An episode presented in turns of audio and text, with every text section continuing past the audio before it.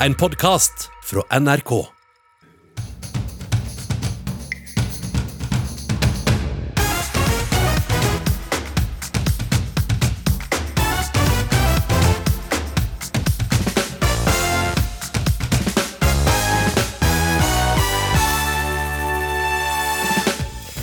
Tor Mikkel Wara har kjempet for samboerens uskyld i retten denne uka. Det er toppen av romantikk å forsvare sin partner når det stormer som verst, sier parterapeut Tora, Dora Toralsdottir. Ellen Øyen danser selv i rullestol, og savner at Birgit Skarstein omtales som de andre deltakerne i Skal vi danse. Det at hun i det hele tatt er på dansegulvet, blir en sånn kjempestor sensasjon. Og så er vi egentlig kjempemange med funksjonshemming rundt om i Norge som, som har mye erfaring med dans. da. Hvis eh, Trump bekjemper TikTok så bra som han har bekjempet korona, så er jeg sikkert 58 før det skjer noe, sa artist og tiktoker Julie Bergan på Nytt på Nytt i går. Hun kommer til ukeslutt. Og vi er tyngst i Norden og vi blir stadig tjukkere. Når skal fedmeforskerne forstå at de gode gamle rådene om å gå mer og spise mindre ikke fungerer, spør redaktøren i forskning.no.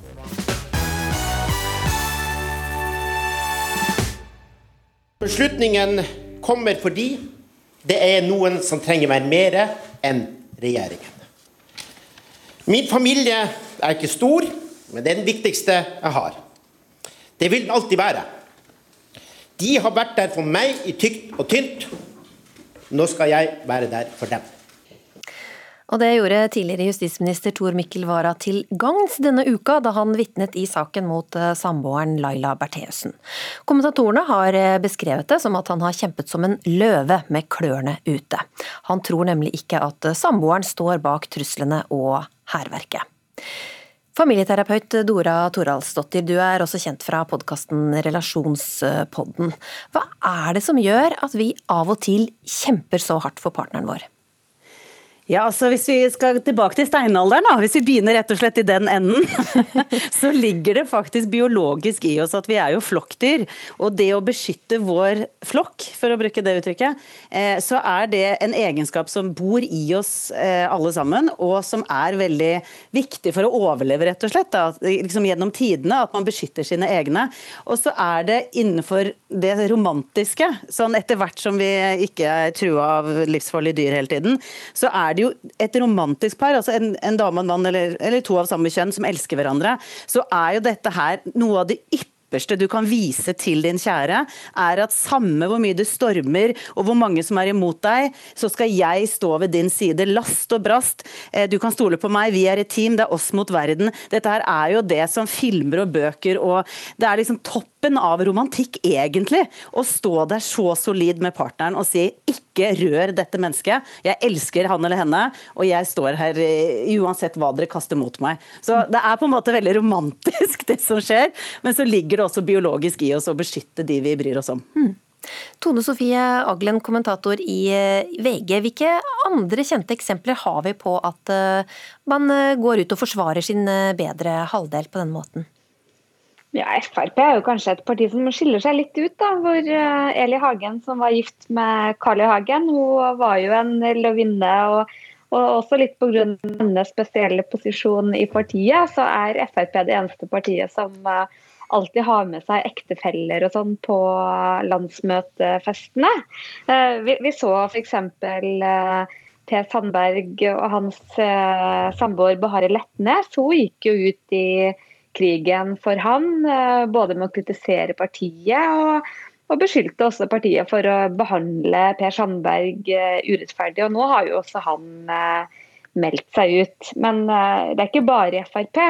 Kanskje en av de mest omtalte sakene det siste året er jo knytta til Trond Giske. Og hans kone Hadia Njay har jo både kritisert partiet og støtta mannen, og til og med skrevet bok. Og så var det jo litt sånn uh, søtt at uh, kona til uh, forhenværende klimaminister Ola Elvestuen, nemlig Grete Elvestuen, hun gikk jo faktisk til det litt originale skrittet å nominere sin mann til en miljøpris. Hun syntes han var så god på miljø at hun nominerte han til årets grønne innbygger. Og nå høres det ut som det er bare damer som gjør det her. Sånn er det jo overhodet ikke. Vår eh, sittende statsminister Gemal, Sindre Finnes, han hissa seg jo også kraftig opp over NRK-debatten den første valgkampen før Erna Solberg ble statsminister. Han syntes NRK var skikkelig urettferdig mot uh, kona Erna, men uh, han måtte bite det i seg og innrømte at han var i affekt og opprørt på konas vegne, og prøvde å trekke tilbake uttalelsene sine. Sigrid Hvitsten, kulturredaktør i, i, Dagbladet. Det er jo ikke bare i politikken at uh, kvinner og menn blir uh, stående ved sin partners side når det blåser som uh, verst. Hvilke eksempler vil du trekke fram? Nei, altså Jeg er jo litt opptatt av de som måte, tyr, til, tyr til tastaturet, da, eller skrevne ord for å beskytte sin partner. Tone Sofie nevnte jo Hadinyai. Hun skrev jo den boken, dagbok 13.12. til 13.2, som Eh, var jo en slags, si, en slags behind the scenes i dramaets si, på innsiden av dramaet-fortelling, hvor vi fikk være med henne hver dag eh, etter at disse varslene ble mottatt eh, mot Trond. Men det er også et kampskrift og et forsvarsskrift for han, det er det jo ingen tvil om. Hun reflekterer rundt varslene, og hun har jo mange tanker rundt det, men hun ender jo opp med at han er fortsatt verdens beste mann. Eh, og det gjør jo også Katarina Frostensson, kjent eh, svensk eh, poet, som var en del av den svenske akademiet, altså de som gir ut Nobels prisen i litteratur. Hun, hun, med, hun, er jo gift med den såkalte kulturprofilen Jean-Claude Arnault, som da ble anklaget av 18 kvinner i Dagens Nyheter for seksuell trakassering og voldtekt. Og det endte jo med at altså Det ble jo kjempestor skandale. Eh, Nobelprisen 2018 ble jo utsatt. Eh, det, folk gikk jo en masse. Eh, men hun sto last og brast ved siden av sin ektemann, selv om han nå er dømt til to og et halvt års fengsel for uh, voldtekt. Uh, og hun kom ut med en bok, uh, om det var tidligere år eller fjor, som heter K, som både alluderer til hennes, første, hennes, fornavn Katarina, men også til den kjente Josef K i Kafkas 'Prosessen', hvor hun beskriver at det var en tsunami av ærekrenkelser, og at alle disse kvinnene som kom med anklager, var kjempemisunnelige. Så hun er, hun er fortsatt rasende, da, etter, etter alt det som har skjedd. Men tilskuerne, da, eller vi som leser om dette her i media og ser på det fra sidelinjen, eh, kan jo tenke liksom, men hvorfor i alle dager går ikke han eller hun bare fra, fra partneren sin? Hva, hva, hva tenker du om det, Dora? Nei, jeg tenker jo at uh, det som er så altså Vi som står liksom på sidelinja, som syns vi ser én side av saken ganske klart, skjønner jo ikke at partneren ikke ser det samme som oss. Og jeg tror det er de sakene som kanskje eh, blir liksom de vi trekker frem. At denne forunderlige sånn Jøss, yes, det var da voldsomt som du er på en måte Vi kan godt si blind, da. Det høres veldig sånn hardt ut dette, som om det er helt svart-hvitt. Men det er en måte å være i verden på hvor det er 100% lojalitet, og ikke et snev av tvil, sånn som eh, boka som ble nevnt, eh, K her, og flere politikere også, at eh, mannen min eller kona mi er totalt feilfri. Eh, og det er det vi kanskje blir litt fascinert av. litt sånn, Å ja, så det er, et, altså, det er ikke et hint om at du ser litt den andre siden av saken også. Eh, så det er det jeg tror skjer med liksom, tilskuerne. da. Eh, at, at, man blir sånn fascinert. Eh, Tonsvi Aglen, eh, hvorfor tror du at de gjør som de gjør? Eh, de som forsvarer partnerne sine? Nei, jeg tror at det er veldig menneskelig. For eh, jeg tror de som er nært politikere, i hvert fall, de, de, ser veldig godt den innsatsen de legger ned. Og de føler veldig ofte at de blir litt sånn urettferdig behandla. Og så er det veldig ofte en ganske hard tone i politikken. Det er eh, ganske mye hets man må tåle å stå i media når det stormer. og Ofte så er det faktisk eh, familiene som syns at det er verst, ikke nødvendigvis eh, politikeren sjøl som tåler en del. Men sjøl om det er veldig ektefølt, så er jeg veldig usikker på effekten av det. Jeg tror nok det virker mest mot sin hensikt. så Selv om det frister veldig å både kaste seg over tastaturet og forsvare partneren sin i politikken, så tror jeg kanskje at det er mest effektfullt å vente hjemme med kakao og pledd og noen gode ord.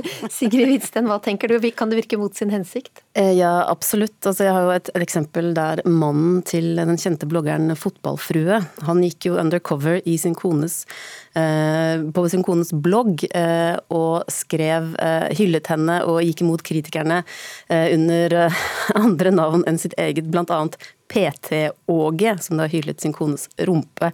Og da det, det ble avslørt, eh, så eh, ja, virket det veldig mot sin hensikt, kan du si. Dora Torolsdottir, vi vi har altså, som du sa i stad, et sånt behov for å ta vare på, på, flokken vår. Men gjelder det bare når det er eh, PST som banker på døra, eller finnes det noe litt mer allment da, eh, som gjelder for oss alle?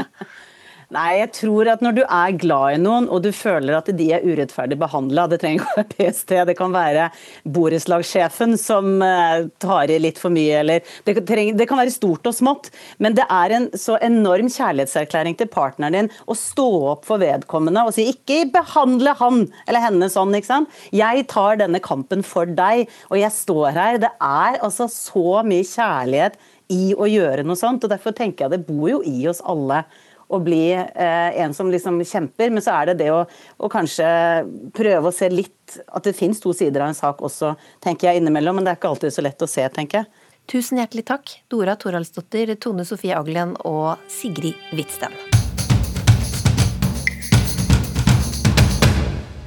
Oslo kan eh, være på vei til å bli en av de rødeste byene i Europa dersom eh, smitten fortsetter som nå. Og det siste døgnet så er det registrert 55 nye smitta. Oslofolk må kanskje regne med å møtes litt færre i tida framover. Helsedirektør eh, Bjørn Gullvåg, hva bekymrer dere ved smittesituasjonen i Oslo? Det er som du sier at uh, tallet på nye smittede går ikke ned i noe vesentlig grad. Og at Oslo selv oppgir at 30-40 av de som er nysmittede, de kan man ikke spore. Og Det er en bekymringsfull situasjon som er litt annerledes enn den vi har sett i bl.a. Bergen og Fredrikstad og Sarpsborg, hvor det har vært eh, identifiserte klynger og man har hatt en enda litt bedre oversikt. Men 30-40 med ukjent smittevei, hvor går grensa da, før det er ute av kontroll? Nei, det kan du si. Vi, vi, vet ikke det med sikkerhet. Men uh, Oslo tester nå uh, veldig mye. Og de har en god oversikt over selve smitteutbredelsen, men kanskje ikke nøyaktig hvor smitten skjer. Det, men det gir jo da grunn til å tro at den skjer kanskje litt ute i samfunnet, på uh, offentlig kommunikasjon, kanskje på utesteder, barer, restauranter. Og For oss da som bor i Oslo, så kan vi se at uh, meteren etter hvert er blitt ganske kort. Uh, og Derfor så tror jeg det er grunn nå for å vurdere litt mer kraftfulle signaler og tiltak. Ja, hvordan opplever du når du er rundt i Oslo at folk overholder reglene? Uh, jeg syns jeg ser at folk i for liten grad tenker at det er nødvendig med en distanse. Og jeg har vært på noen restauranter i, i det siste og sett at uh, bransjen også plasserer setene veldig nær hverandre, altså langt fra en meter i veldig stor utstrekning. Og det sitter veldig mange rundt et bord ganske tett på hverandre.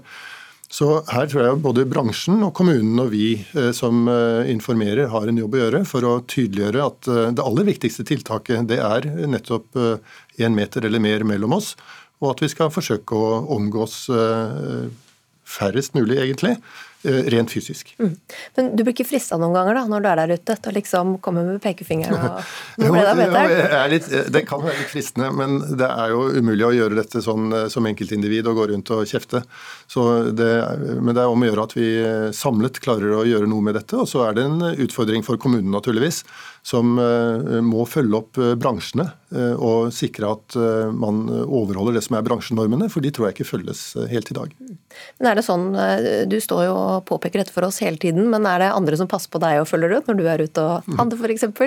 Jeg tror sikkert det er en del som eh, prøver å observere hva jeg gjør, men eh, jeg tror ikke det er eh, liksom, hovedproblemet her. Men, men, det er faktisk sånn at vi må, vi må skjerpe oss litt altså når det gjelder dette med én meter. Fordi det vil gi oss så mye større muligheter for å åpne opp andre ting som vi jo egentlig ønsker oss. Jeg vil minne om at hvis vi har lav smitte, som vi vil få ved at alle klarer å overholde denne meteren, så kan eh, vi åpne opp mer av idretten. Vi kan åpne opp mer av kulturlivet. Og vi kan sikre at eh, barn ikke får så mye avbrutt eh, tid på skolene og, og studenter og på arbeidsplasser osv. Så, videre. så det er veldig veldig mange gevinster, ved siden av at man jo sparer liv og, og dårlig helse. Så det er en liten gulrot der. Vi kan ha det mer gøy, rett og slett? Hvis, vi kan ha det mer gøy. Eh, og jeg, jeg tror vi må liksom tenke på det, at eh, det er gjennom denne litt fellesinnsatsen så kan vi egentlig ha det mer gøy. Men opplever du at vi har, eller at dere da, har sterke nok virkemidler? Vi, vi, har jo disse virkemidlene, men de er så, de er så veldig eh, Vi ønsker jo ikke å bruke dem. Altså Virkemidlene etter smittevernloven. Vi, vi stengte jo ned, ikke sant, regjeringen og vi eh, stengte ned samfunnet 12.3, og det var jo ikke med lett hjerte. Og vi ønsker jo ikke å gjøre det på nytt igjen, hvis vi kan unngå det. Eh, og, er vi langt unna det nå, da? Ja, vi er ganske langt unna. Og mm, Bakgrunnen for det er at selv om smittetallene kan minne litt, f.eks. i Oslo, da, om det som var i mars, så har vi nå mye mye bedre oversikt over situasjonen. Og det er langt flere av de som er smittet, som, som blir fanget opp. Så det reelle smittetrykket det er et godt stykke unna der vi var i mars. Men hvis vi ikke gjør noe, så kan det fort bevege seg i den retningen. Og så er det jo sånn at EU vil ha felles sånne reiseregler, og da ville plutselig Sverige, Danmark og Finland vært grønne for, eh, for vår del. Eh, Norge er blant de strengeste i klassen. Hva tenker du om konsekvensene for Norge, da, hvis vi blir med på et sånt felles regelverk? For, for det første så tror jeg det er veldig viktig at vi eh, er åpne for å bli med på et sånt eh, regelverk, altså et felles regelverk. fordi det å løse dette dette eh, felles med Europa er, eh, tror jeg, den beste løsningen for oss i Norge. Men så ønsker vi å påvirke naturligvis eh, debatten i Europa, slik at vi får grenser som, grenseverdier her som ligner mer på det som er de norske. Men, men de bør altså, gjøre mer som oss. Hva? Ja, så de bør gjøre ja, mer som ja, det er i hvert fall utgangspunktet vårt bør være det. Og så er det mulig å møtes litt på veien her, tenker jeg. fordi det at, det at man har likere tilnærming til uh, hvordan vi skal håndtere denne pandemien, det er befolkningen i Europa veldig tjent med. Takk for at du kom til Ukeslutt, helsedirektør Bjørn Gullvåg.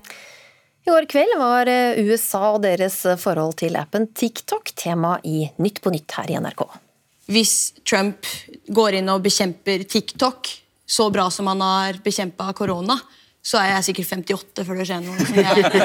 Imponert over Kina er det 1,7 milliarder mennesker som de overvåker, og så har de tid til å overvåke oss også. det, er, det er litt rørende. Og fra og med i morgen så blir det ikke mulig å laste ned TikTok i eh, USA lenger, ifølge nyhetsbyrået AFP. Artist og låtskriver Julie Bergan, vi, vi, hørte jo deg i klippet her. Du er selv ivrig på, ja. på TikTok. Hva er det du liker med appen? Altså For meg som er veldig glad i dans og musikk, så er jo det selvfølgelig en stor del av det. fordi det er jo veldig mye altså, forskjellige danser og koreografier til nye og eldre låter. Og så er det også veldig veldig mye humor da, og gøy som er på TikTok, rett og slett. Så man blir jo sittende der og scrolle og scrolle i evigheter hvis man først starter. Kan du beskrive da et eksempel da på hvordan du bruker eh, dans og dansemoves på TikTok? Eh, altså for min del så bruker jeg det både til å danse til mine egne låter og for å kunne promotere egen musikk. Sånn at man kan lage små snutter og koreografier for, eh, for andre, så de kan eh, lære det også. Da. I tillegg så er jeg også veldig glad i å lære andre koreografier. Altså Jeg elsker jo å danse, så jeg syns det er kult hvis jeg først ser en litt kul dans da, på TikTok, så kan jeg fort bare begynne å prøve å se på tutorials og lære meg koreografiene selv også. da. Mm. Magnus Hoem eh, Iversen, du er postdoktor i medievitenskap ved Universitetet i Bergen. TikTok høres jo bare ut som dans og moro, men eh, Trump mener jo at kineserne spionerer på brukerne. Men det er vel ikke akkurat dansemovesa de er ute etter? Nei, det, det, Trump da har eh, altså Det er to grunner til at Trump er så tøff mot TikTok. Det ene er jo det at Trump konsekvent har på en måte profilert seg litt på å være tøff mot Kina. og Dette er jo en kinesisk app. Og Det andre er på en måte en sånn økende bekymring for uh, valgpåvirkning og liksom cybersikkerhet på tvers av landegrenser. Og Da er man rett bekymra for at et kinesisk selskap skal samle inn masse data om f.eks. amerikanske borgere. da. Så det er liksom litt todelt der. Mm. Men er dette slutten for eh, TikTok i USA? Det kan bli det, det gjenstår litt å se. Nå forhandler de eh, med Oracle, som kanskje skal ta over. Men la oss si at det ikke går, da. Hvordan ser dette ut? Da får man ikke lov til å laste ned appen mer. Det høres kanskje ikke så dramatisk ut, men det betyr jo at man heller ikke får oppdateringer. Og da blir den etter relativt kort tid da, eh, mer og mer ubrukelig. Mm. Julie Bergan, hva slags eh, tilbakemeldinger får du fra, fra folk i USA om det her? Eh, altså, jeg følger jo mange brukere. det er jo Mange av de største brukerne i verden, eller kanskje de største, er jo fra USA. Eh, så der har jeg jo sett eh, ekstremt mye bekymring. Det er jo mange som mister jobben ved at det her også skjer. Eh, men jeg får jo tilbakemeldinger. De er jo aktive på mine kanaler også med å like eller kommentere. Og jeg vet jo at amerikanerne er en, en stor del av TikTok, og spesielt liksom blitt det nå som det virkelig har tatt av da, det siste året. Magnus Haam Iversen, VG skriver at Trump spår en snarlig løsning på dette. Tror du han får det som han vil?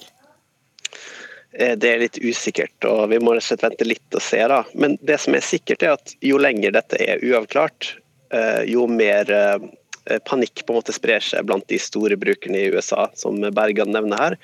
De tjener jo penger på dette, og de er jo selvfølgelig har en reell frykt for at levebrødet blir tatt bort fra dem. da. Så de kommer nok til å begynne å rømme til andre plattformer. Sånn som noen av de største stjernene har gjort allerede, flytta til en konkurrent som heter Triller. da. Det kan jo ha konsekvenser for, for norske brukere f.eks. også. Men hva skjer videre i saken, da? Nei, Først så må det på en måte avklares om dette amerikanske selskapet Oracle eh, får, får liksom lov til å kjøpe eh, den amerikanske delen av TikTok. Hvis det går bra, så vil nok TikTok fortsette å eksistere eh, relativt eh, altså Man vil ikke merke de store forskjellene som bruker, da. Men hvis det ikke skjer, da, da kommer nok den amerikanske biten av TikTok til å gradvis fases ut, og brukere kommer nok til å rømme til andre ting. Julie Bergan, du sa jo med litt glimt i øyet at Trump nå prøver å ødelegge litt av moroa med TikTok. Er du, er du, spent på veien videre nå? Eh, ja, eh, for, for, min del så er det jo Jeg syns jo TikTok er ekstremt underholdende og selvfølgelig en viktig, en viktig app i forhold til promotering av musikk. og Da er det jo veldig fint å ha det amerikanske publikummet der også. Eh, men eh, som tidligere, jeg tror det er enda flere yngre som er enda mer avhengig av det. Og som er at TikTok er den viktigste plattformen deres på sosiale medier. Men for min del så har jeg bygd opp eh, f.eks. Instagram i mye lengre tid og er en hyppigere, bruker, bruker av det. da. Mm. Så jeg tror selvfølgelig, men jeg tror det kommer til å være kjipt. Og jeg forstår at det kan føles, altså at mange kan føle på panikken ved at ja, f.eks levebrødet deres kan bli, bli tatt bort. Da. Og som sagt, jeg tror vi andre i verden også er uh, mye jeg håper si, at En stor del av TikTok er de amerikanske brukerne. da. Mm. Takk til dere, Magnus H.M. Iversen og Julie Bergan. Fedme har vært eh, heftig debattert eh, denne uka, for stadig flere av oss blir overvektige, og vi nordmenn er tyngst i Norden. Nina Kristiansen, redaktør for forskning.no. I Aftenposten skriver du at eh, fedmeforskerne må begynne å tenke nytt, for de gamle rådene fungerer ikke. Hva er det som ikke fungerer? Ja, og Det jeg skriver om er jo fedme, ikke overvekt. ikke sant? Det er en forskjell. Mange i Norge er overvektige, det gir ikke noe spesiell helserisiko. Du kan være litt misfornøyd med det, men det er ikke farlig. Men hvis du har fedme, så har du jo rett til en behandling i Helse-Norge hvis du er tjukk nok, da. Eh, og da får eh, disse folka med fedme de får noe som heter livsstilsbehandling. Da skal du endre på livsstilen. Du skal spise, bevege, eh, spise, mindre og bevege deg mer. Dette her er en metode de bruker i Norge på alle disse her fedmeklinikkene. Og de bruker det i hele verden. Og det virker ikke. Folk blir ikke tynnere. De eh, går på lange programmer som er tre måneder, seks måneder, tre år til og med. Masse oppfølging. Sykepleiere, leger, fysioterapeuter, psykologer osv ganske omfattende ting, og så kommer de ut, og så er de De er ikke blitt slankere.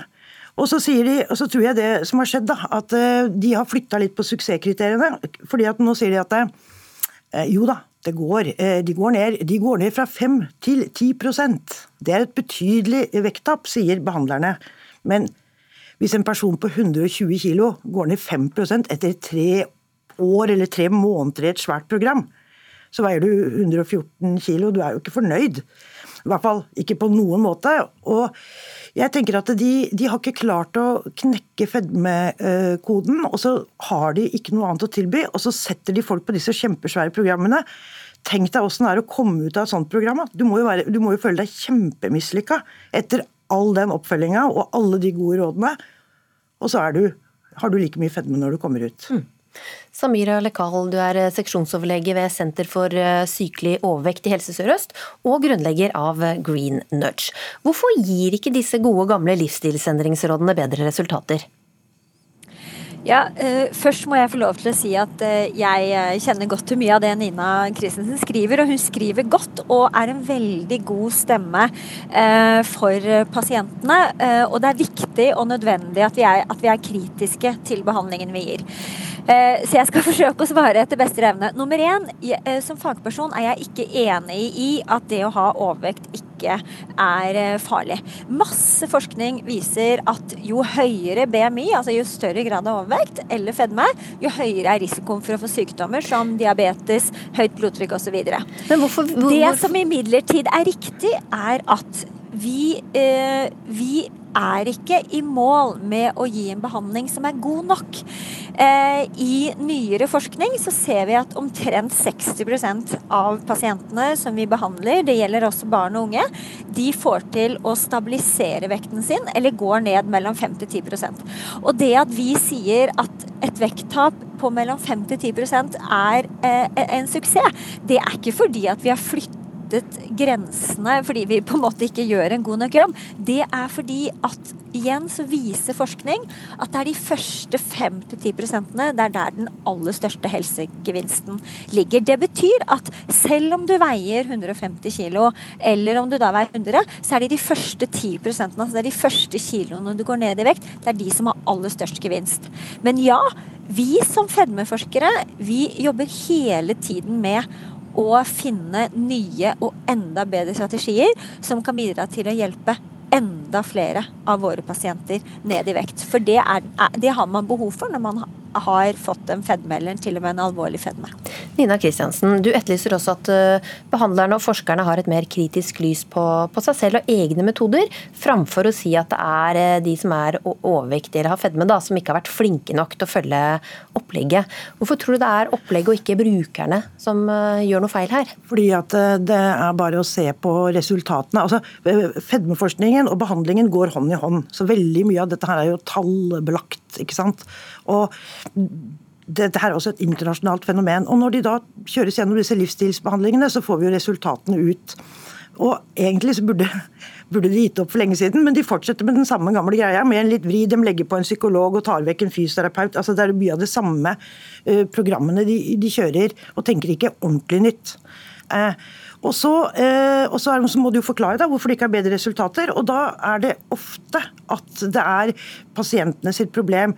Men jeg tenker for eksempel, da, Hvis jeg kommer inn i en fedmeklinikk hos Samira, som er en behandler, og forteller hun da meg at jeg har 40% sjanse for å lykkes etter tre måneder, seks måneder, tre år. Altså jeg tenker at Det må være demoraliserende, ganske fælt. da for folk med fedme å gå gjennom sånne programmer og ikke ha større virkning. Og særlig hvis de får beskjed om i begynnelsen at det, du har bare en ganske liten prosent for å lykkes.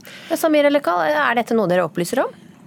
Altså, øh, vi jobber altså Jeg må si veldig entydig da, at vår opplevelse som behandlere er stort sett øh, fornøyde pasienter, fordi at det Christensen ikke ikke tar med i betraktning, er hva som sannsynlig ville vært tilfellet. Eh, hvis man da ikke ikke er i et behandlingsløp. Og det har vi også noe forskning på. La meg bare fullføre. Men hva med alle, de som, ikke Vi snakker om de som er, ikke, ikke, klarer det, da. Er man forberedt på forhånd at man faktisk kanskje forsøker, ikke klarer noe i det hele tatt? Vi, vi forsøker uh, å være realistiske når vi tilbyr uh, behandling.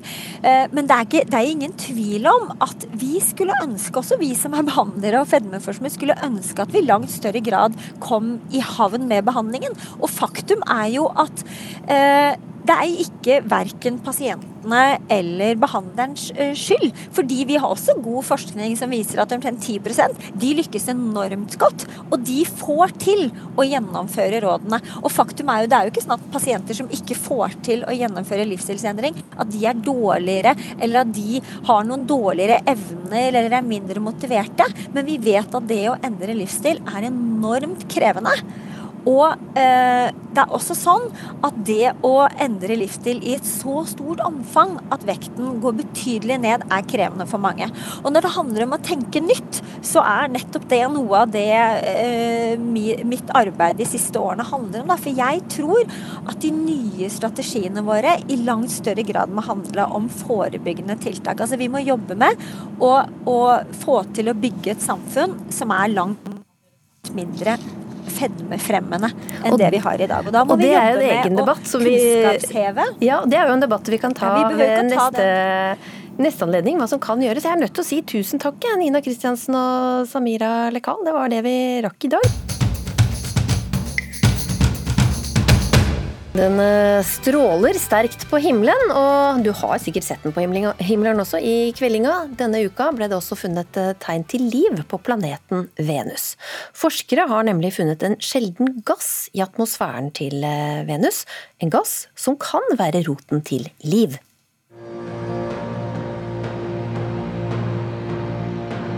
Universet. En uendelighet av stjerner og planeter. Altfor lenge har vi mennesker lett etter liv utenfor vår egen klode.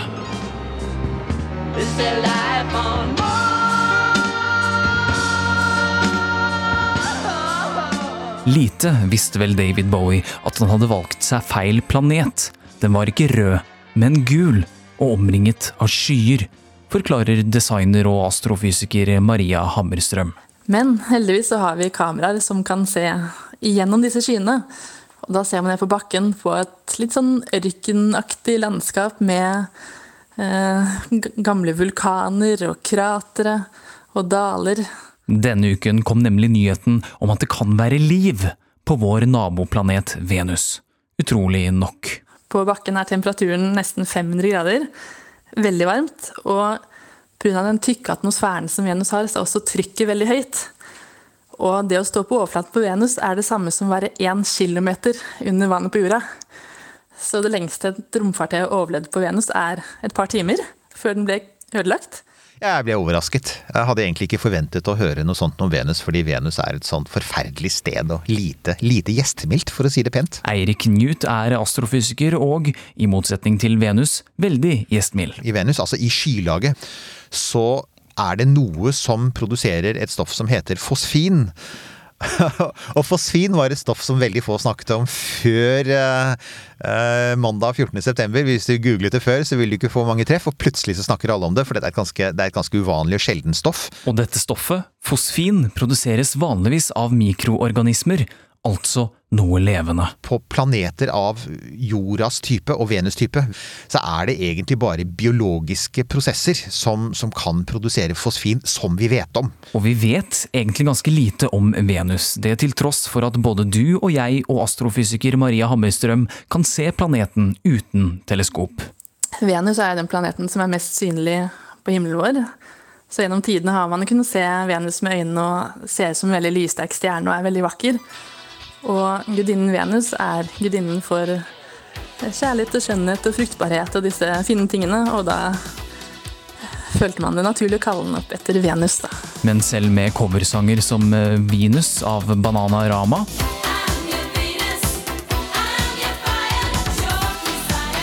så har ikke Venus fått like mye populærkulturell støtte som f.eks. Mars. Det er i hvert fall ikke bandet Europe sin feil. We're heading for Venus. heading for Venus. Men det er vel kanskje bare fordi det rimer på sinus? eller noe? Ja, antagelig. Noen vil kanskje hevde at det er fordi menn er fra Mars og kvinner fra Venus som har ført til at den gule planeten er kommet i skyggen av den røde.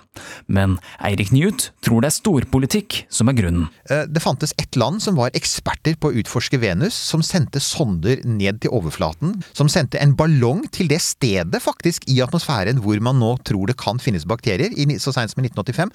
Og det landet var Sovjetunionen. Men Sovjet sto for fall, og det er kanskje derfor vi ikke engang har et navn på de som bor på planeten Venus. Vær hilset, dere levende mikroorganismer på Venusberget. Hva skal dere hete? Venu venusiansk biologi, eller veneriansk, ikke sant? Det, da, da ender man fort opp i et litt sånt landskap som gjør at det ikke blir barnevennlig. Så det er Så, så, så ja, eh, men det blir nok venusianere. Jeg tenker det. For dette, ja, det, det, dette skal jo også formidles til eh, under 18. Og reporter her, det var eh, Philip eh, Johannesborg.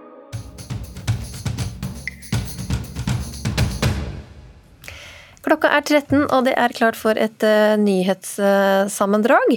Tyskland opplever nå økende smitte, koronasmitte. Tone Nordahl? Ja, Det siste døgnet er det registrert nesten 2300 nye tilfeller i Tyskland, og det er flere enn noen gang i løpet av et døgn siden april. En rekke europeiske land opplever jo økende smitte nå, og det samme skjer jo i Norge også. Og det er særlig Oslo som bekymrer helsemyndighetene nå. I hovedstaden så har det vært 55 nye tilfeller det siste døgnet. Og det er nesten halvparten av alle tilfellene som er funnet i hele landet. Det.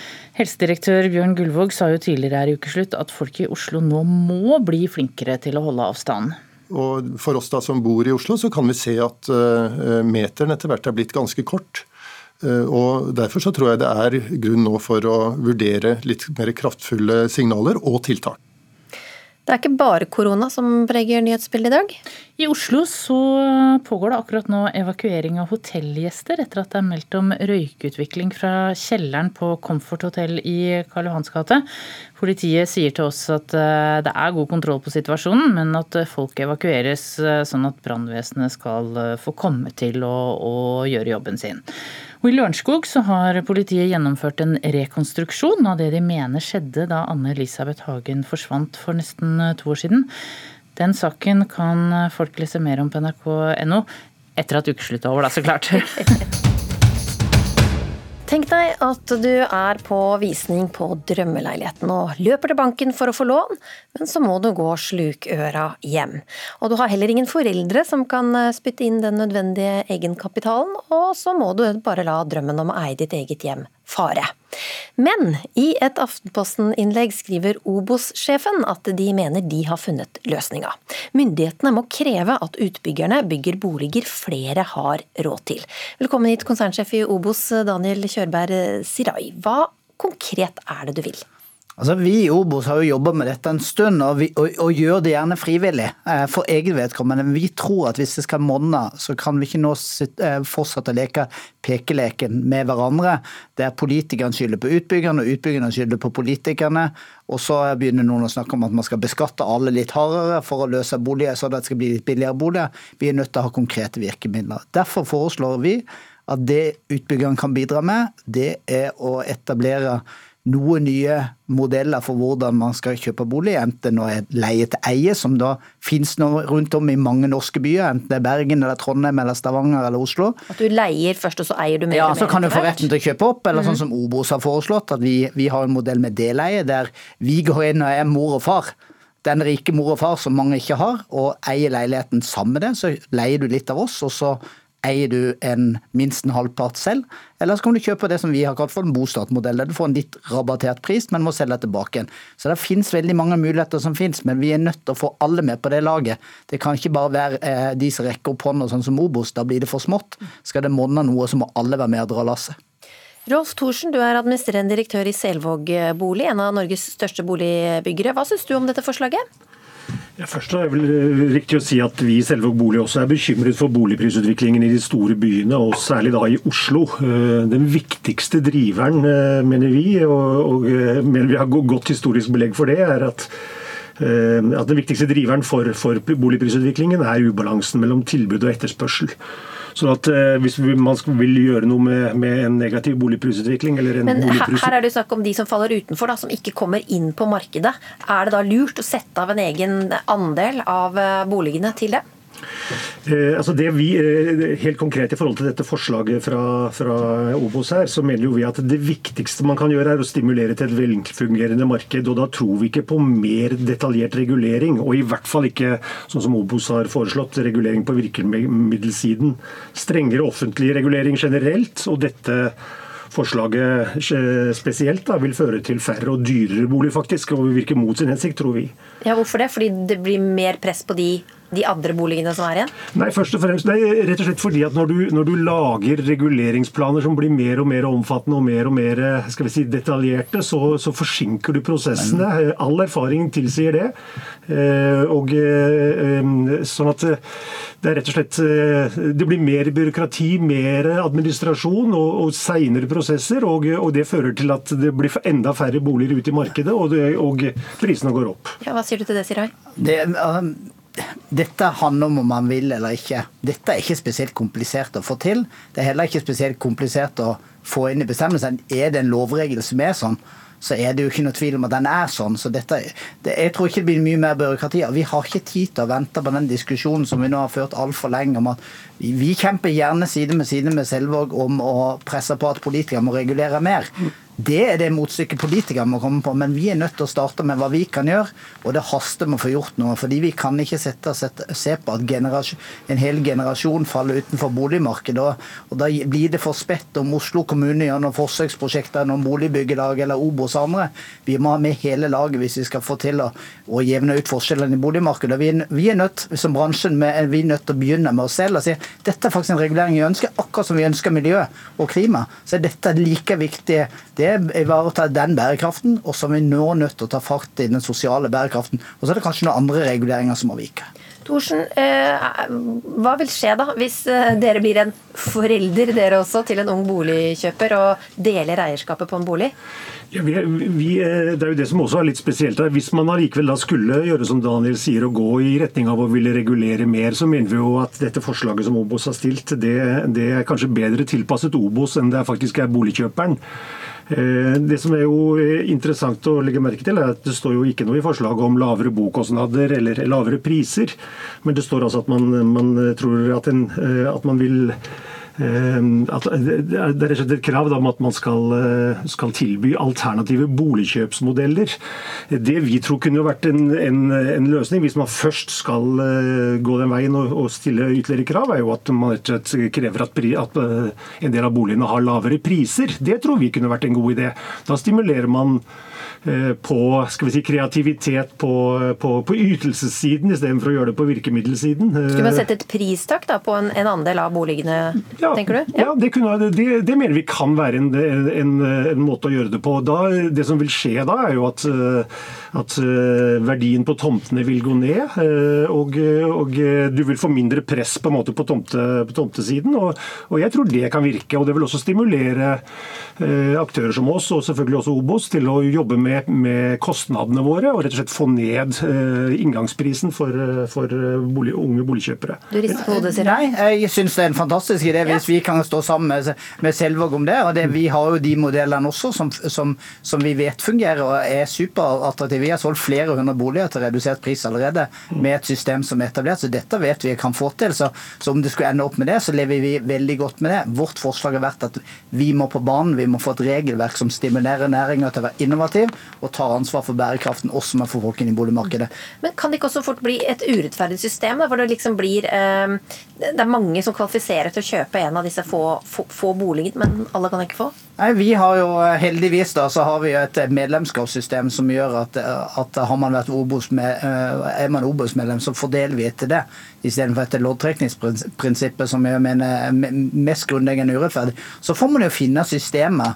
Og det er ikke alle som vil ha det slik. Det må man huske at ganske, folk har ganske ulike behov.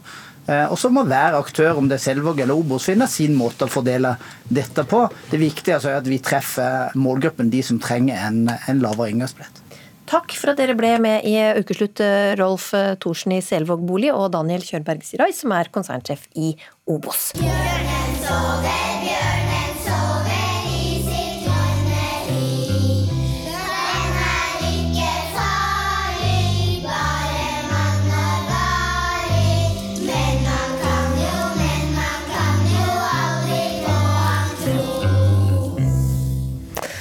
Om ikke hulebjørnen akkurat har blitt eh, vekket til liv, så så den ganske så livaktig ut. Hulebjørnen som dukket opp fra isen i Sibir etter å ha ligget der siden istiden. Det oppsiktsvekkende var nemlig at eh, kadaveret var ganske så intakt. Zoolog og universitetslektor Petter eh, Bøckmann ved Naturhistorisk museum i Oslo. Hva slags bjørn var hulebjørnen? Hulebjørn var en slektning av vår hjemlige brunbjørn, men mer bjørn enn brunbjørnen. Altså, brunbjørn er sånn litt stor og litt tung og litt sånn høy over ryggen og sånn. Bare se for deg at du bare øser på med akkurat det som gjør bjørnen bjørnete. Den var enda større, og så var den enda høyere over ryggen, og så var den enda tyngre i sessen. Og så spiste den mer blåbær enn elg. Bjørnen sper jo gjerne på med litt uh, jakt, på, særlig på vårparten når den kommer ut av hiet. Denne her hulebjørnen var mer rein planteeter. Mm, så ikke så stor grunn å frykte for oss. mennesker hvis han Nja. vandrer rundt her? Ja, jo, altså vi må jo se alt i forhold til sin tid, naturligvis. Uh, Hulebjørn levde jo da den gangen det også var huleboere. Altså våre forfedre som gjerne bodde i hva skal jeg si, en hule i en eller annen fjellvegg. Og det er klart, litt ugreit boligmarked når det allerede er okkupert av en kjempesvær rugg på mange hundre kilo, som insisterer på å ligge og snorke innerst i hula, kanskje forsyne seg med en baby i ny og ne. Uff a meg. Men hva var det første du tenkte da, da du så disse bildene av den hulebjørnen? Ja, det var jo jippi jippi. Vi har jo funnet mye rart. Dette er jo fra Sibir. Og det som foregår oppe i Sibir om dagen, det er klimaendringer. Permafrosten tiner, og det er jo selvfølgelig leit og vondt og fryktelig, men aldri så galt at det ikke er godt for noe. Det dykker jo opp mye morsomt i permafrosten. Fra, før av har det vært funnet mammuter med mer og mindre hele biter. Man har funnet uh, i USA, hvor det er helt tilsvarende forhold, så man har funnet sånne svære bøfler. Det er bare den lille bøffelarten som er igjen i USA. Og nå har vi altså funnet en hulebjørn. For et par år siden fant de en huleløveunge, men dette er en hel, og det er en voksen hulebjørn. Ja, og hvordan, eh, hvordan så den ut? Hvor mye, mye av den er bevart? Um, hva skal jeg si? Jeg vet ikke om du noensinne har vært og gravd i fryseren og så finner de kotelettene som har ligget helt nederst i noen år, som er liksom sånn frysetørka inn. Og litt sånn så den hulebjørnen ut. Den var litt hårdaus en del steder, og han var ganske innskrumpa fæl. Men alle bitene er jo stort sett der. Til og med nesa er på en Stort sett så forsvinner nesa nesten med en gang, for den blir tatt av fluelarver og, og sånne ting. Men her har tydeligvis denne bjørnen dødd en kald vinterdag, kanskje frosset i hjel i hiet, for alt jeg veit. Og så har den frosset inn, og så har den tørka inn. Og så har den nok sikkert tint opp noen ganger, men før eller siden så har den altså blitt dekket av jord og sand og, og måse og greier. Og så har den blitt liggende i dette permafrostlaget oppe i Sibir. Hvor stort er dette funnet? Det er, ja, du det er et kjempemorsomt funn. Vi kjenner jo hulebjørnen veldig godt fra før av, bl.a. fordi den har ligget og overnattet i disse, overvintret i disse hulene. Det er Grunnen til at den kalles hulebjørn, er at vi har funnet den i huler. og Den har vært funnet i sikkert i 1000 år. Masse, masse skjeletter. Typisk fra alpeområdene og, og videre østover. Men her har vi en som ikke er skjelett. Dette er med hud og hår.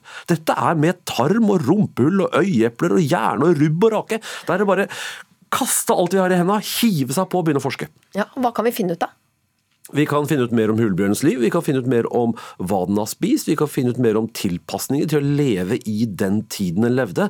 Og så er det jo Det er jo en ting som jeg kanskje egentlig ikke burde si så høyt, men, men eh, kloning.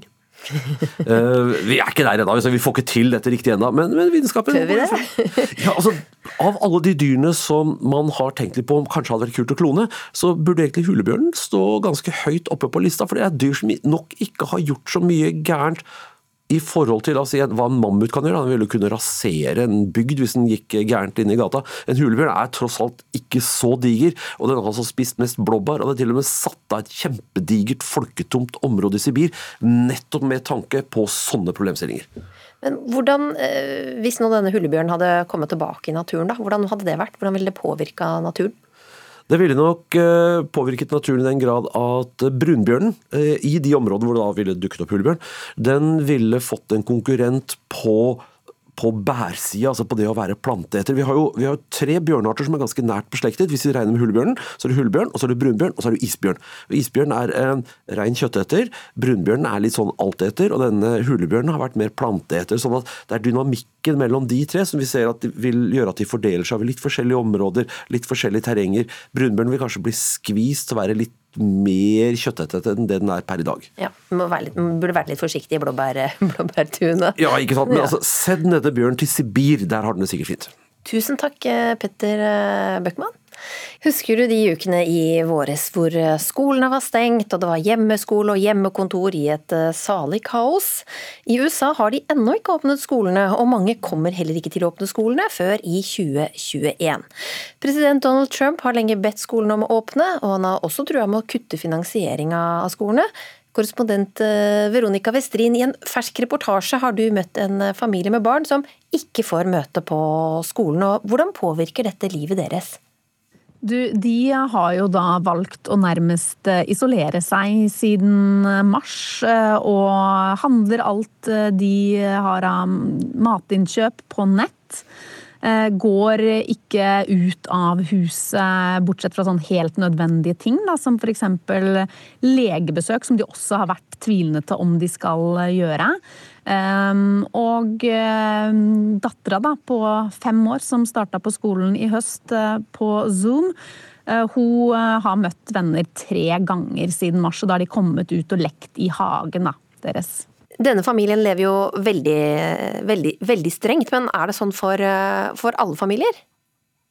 Du, jeg vet om veldig mange familier som, som, holder seg hjemme nå og går minst mulig ut. Så det er veldig mange amerikanske familier som fortsatt lever sånn som de gjorde i mars. Så det her preger folk. Jeg vet om mange som desperat har ringt rundt for å få tak i psykolog. Mange forteller om depresjoner. Til førstedamen Michelle Obama er jo en av de som har sagt at hun fikk en lett depresjon. Men det er store forskjeller her, og det ser jeg veldig tydelig når jeg reiser rundt. Fordi eh, folk håndterer dette på svært forskjellige måter, og det er jo ikke alle som sitter helt isolert. Noen finner en måte å leve med viruset på. Selv om mye fortsatt er stengt der, så er det jo også ting som har begynt å åpne opp, som f.eks. restauranter. Men så er det også de som lever som om ting er helt normalt. Og der er det også interessant å se at det er et partipolitisk skille. Sånn at eh, munnbindbruk f.eks. har jo blitt eh, noe alle går med her i Washington DC, og her stemmer ni av ti demokratisk. Mens reiser man litt ut, så ser man plutselig at eh, det er veldig få som går med munnbind enkelte steder, og jeg har jo intervjua Trump-tilhengere som mener at eh, munnbindbruk ikke har noen effekt, og som lever normale liv sånn som de gjorde før. Og, og mener at uh, dette med korona ikke er så farlig som det demokratene vil ha det til. Hmm. Og dette har da også blitt tema i, i valgkampen. På hvilken måte? Ja, altså skolene her er jo stengt veldig mange steder. Og dermed så er det jo mange amerikanske familier som begynner å bli ganske desperate. Det er ikke lett å undervise barna hjemme samtidig som man jobber. Eh, så Trump han har jo lenge bedt om at skolene skal gjenåpne, og trua med å strupe finansieringen av dem. Eh, men så er det da delstaten og skoledistriktene selv som avgjør, og lærerorganisasjonene de har jo advart mot å åpne uten å ha en rekke tiltak på plass. da. Eh, og Biden har jo da også eh, sagt at han mener at Trump har feila i håndteringa, og at skolene kunne vært åpne igjen. Men at man må få på plass tiltak. da. Og kona hans har f.eks. lagt ut på en to ukers eh, turné som heter eh, Back eh, to School Tour. Um, hvor hun har besøkt og hørt erfaringer fra forskjellige steder i USA. Og det er jo forskjellig, fordi det er jo også enkelte steder som har valgt å åpne skolen igjen. Og hva, hva skal til da for at uh, lærerne skal få den uh, tryggheten som kreves? Det går jo på mye på plass, eh, sånn som eh, i hvert fall på den lokale skolen til barna mine, så, så ville det ikke vært mulig å åpne med riktige smitteverntiltak. Så, så lenge viruset er her, så er det ingen som tror at skolene her f.eks. kommer til å åpne. Eh, det spekuleres i om de fra november her kan begynne med en sånn ordning hvor man kanskje har åpnet én eller to dager i uka. Takk skal du ha, korrespondent Veronica Westrin. I kveld skal paraolymper Birgit Skarstein nok en gang overbevise juryen og publikum i Skal vi danse, en deltakelse som har gjort at hun også har måttet tåle mye hets. Ellen Øyen sitter selv i rullestol, og i et innlegg på Trønderdebatt skriver hun at media og folk i sosiale medier gjør det til en sensasjon at en rullestolbruker danser. Reporter Runa Leinan ble med henne på en dansetime med rullestol. Så strekker vi hendene i været som om vi plukker epler fra et tre. Bare annenhver arm. Elin Øyen er 41 år, Sera Skal vi danse, rullestolbruker og danser i gruppa Danselaboratoriet i Trondheim. Sammen med flere andre dansere med ulike funksjonsnedsettelser svinger hun rundt på dansegulvet i rullestolen sin og strekker én og én arm i været så høyt som hun kan. Prøv å få tak i den eplet som er lengst, bort, lengst opp. Elen opplever at media og folk i sosiale medier omtaler paraolymper Birgit Skarsteins deltakelse i Skal vi danse som en sensasjon. det at hun i det hele tatt er på dansegulvet, blir en sånn kjempestor sensasjon. Og så er vi egentlig kjempemange med funksjonshemming rundt om i Norge som, som har mye erfaring med dans. da. Eh, det er ikke så uvanlig, på en måte, som, som det kanskje kan framstå litt i media. På dansegulvet på Svartlamoen i Trondheim beveger danserne seg rundt om i rommet til musikken. Noen danser høyt, andre lavt. Elin viser meg hvordan man gjør en backflip i rullestol. Jeg velter meg bakover og så balanserer jeg på ei hånd. Høyre hånda mi er i gulvet, så holder venstre hånda på høyre hjul. Elin påpeker at det i hovedsak er de ulike mediehusene som står for den meste av hyllinga av Skal vi danse-deltakeren Birgit Skarstein. Det er noe mye media som på en måte lager det.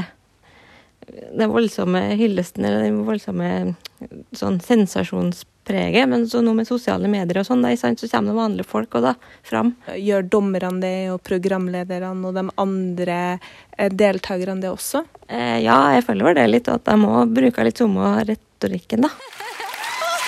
Publikum står for deg og innsatsen du har gjort i kveld, Birger. Det som jeg er skikkelig stolt av nå, er alle de der hjemme som har spurt hvordan går dette an. Nå så dere! Ja, Dommerne har vel også sagt noen ting og Birgit kunne ha gjort litt bedre, men kanskje de er enda mer ga på når det gjelder å, å, å liksom omtale henne likt som de omtaler de andre deltakerne. På en måte.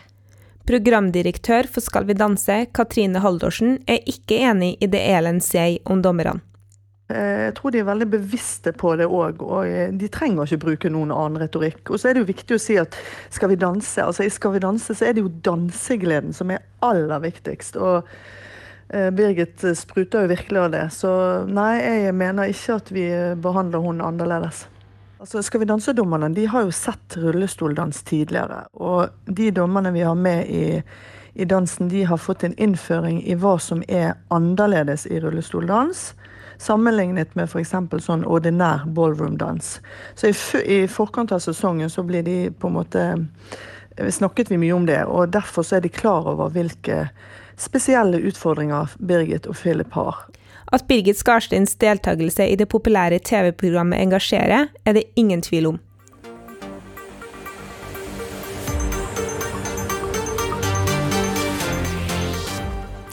Birgit Skarstein har blitt hyllet for å være den første rullestolbrukeren som deltar i Skal vi danse på TV 2, men hun har også opplevd mye hets. Trønderdebatt.no skriver også at kronikken til Elen har gått viralt, og i innlegget tar forfatteren opp det at hun savner generell større representasjon av det hun kaller for hverdagsmenneskene med en funksjonsnedsettelse i media og filmer.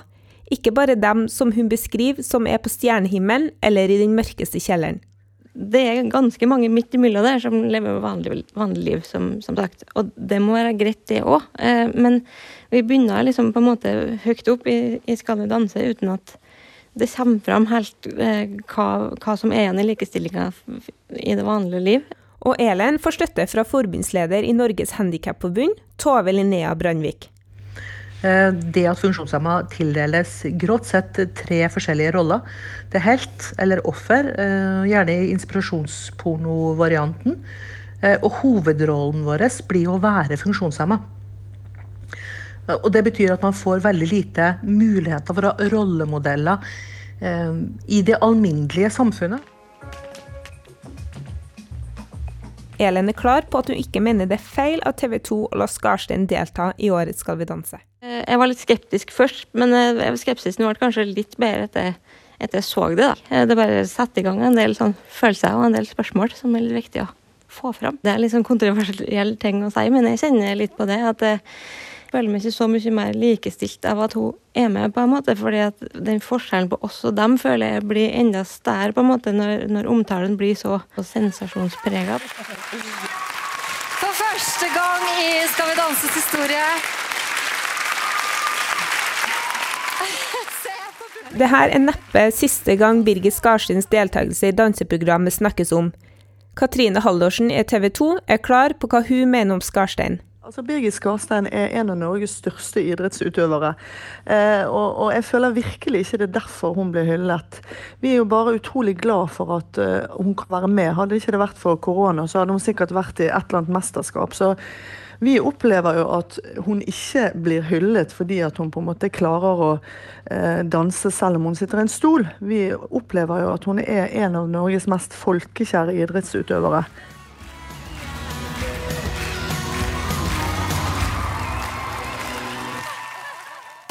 Og Birgit Skarstein sier til eh, Ukeslutt at hun tror hennes deltakelse kan være med på å normalisere et mangfold, og ikke minst vise at vi i bunn og grunn er mer like enn ulike. Tour de France har eh, kanskje vært litt ekstra og ufrivillig spennende i år. For eh, ikke bare har rytterne måttet hevde seg i feltet, både de og teamene deres har selvsagt måttet holde seg koronafrie, og testene har vært eh, hyppige. Og det var ikke engang sikkert at det tre uker lange rittet ville ende sin triumferd på Champs-Élysées i år. Men nå, på den nest siste dagen, så, så, kan vi vel begynne å puste rolig igjen, Ole Kristian Stoltenberg, du er sykkelekspert her i NRK? Du, nå kan vi puste litt ut. Det var, som du sier, veldig spennende om alle skulle komme seg til eh, Paris. Det er siste, nest siste dag i dag, før eh, Paris i morgen, så det skal gå bra. Du nevnte det, hyppige tester har det blitt. og Det gjaldt jo ikke bare rytterne, men et støtteapparat på ja, 25 personer rundt hvert lag måtte jo også være eh, koronafrie for at laget skulle få lov til å fortsette. Vi hadde noen positive på den første hviledagen. En eller fire forskjellige i støtteapparatet til fire ulike lag. Disse ble isolert, og så har det ikke spredd seg. Så vi er vel glad for at eh, alt tyder på at vi kommer trygt til Paris for de fleste nå. Mm. Og dagens etappe den, eh, den, er så vidt i gang, og er vel egentlig en vel så viktig dag som eh, morgendagen? Du, For sammenlagtkandidatene så er det den viktige dagen i dag. Den siste muligheten til å gjøre endringer i totalen. Så da skal det avgjøres hvem som vinner denne utgaven av Tour de France. Primoz Roglic fra Slovenia har jo 57 sekunder å gå på til Tadej Pogacar, landsmannen. De er på to ulike lag, da, Jumbo Visma og UAE. Og tredjeplassen er colombianske Miguel Ángel Lopez, 1,27 bak Roglic. Det er en tempoetappe som er 36 eh, km lang, men de siste 5,9 km har en skikkelig bakke, en motbakketempo, med, med 5,9 km, altså med 8,5 og Det er i dag sammendraget settes. I morgen er det sjarmøretappen for spurterne, så det blir spennende å se om Roglic eh, vinner det til slutt, men jeg tror det. Og Det høres ut som det er eh, mye publikum på plass også i eh, løypa bakgrunnen der? Du, det er det. De er ute og tråkker. Et par norske er også ute på start. For de handler det bare om å komme trygt i mål. Men franskmennene har jo tillatt, så vidt jeg har forstått, inn mot 5000 tilskuere på de ulike fjellene underveis. Så det er jo litt sånn passerer løypa der du bor, så kan det jo ikke være forbudt å gå ut eh, i gata og heie heller, sammen med din familie. Med munnbind på stort sett. Det er noen steder de har stått litt tett, men ellers har det vært ganske ryddig opptreden også fra tilskuerne. Færre enn vanlig vanlig, men en god del tusen også i årets ritt langs traseen.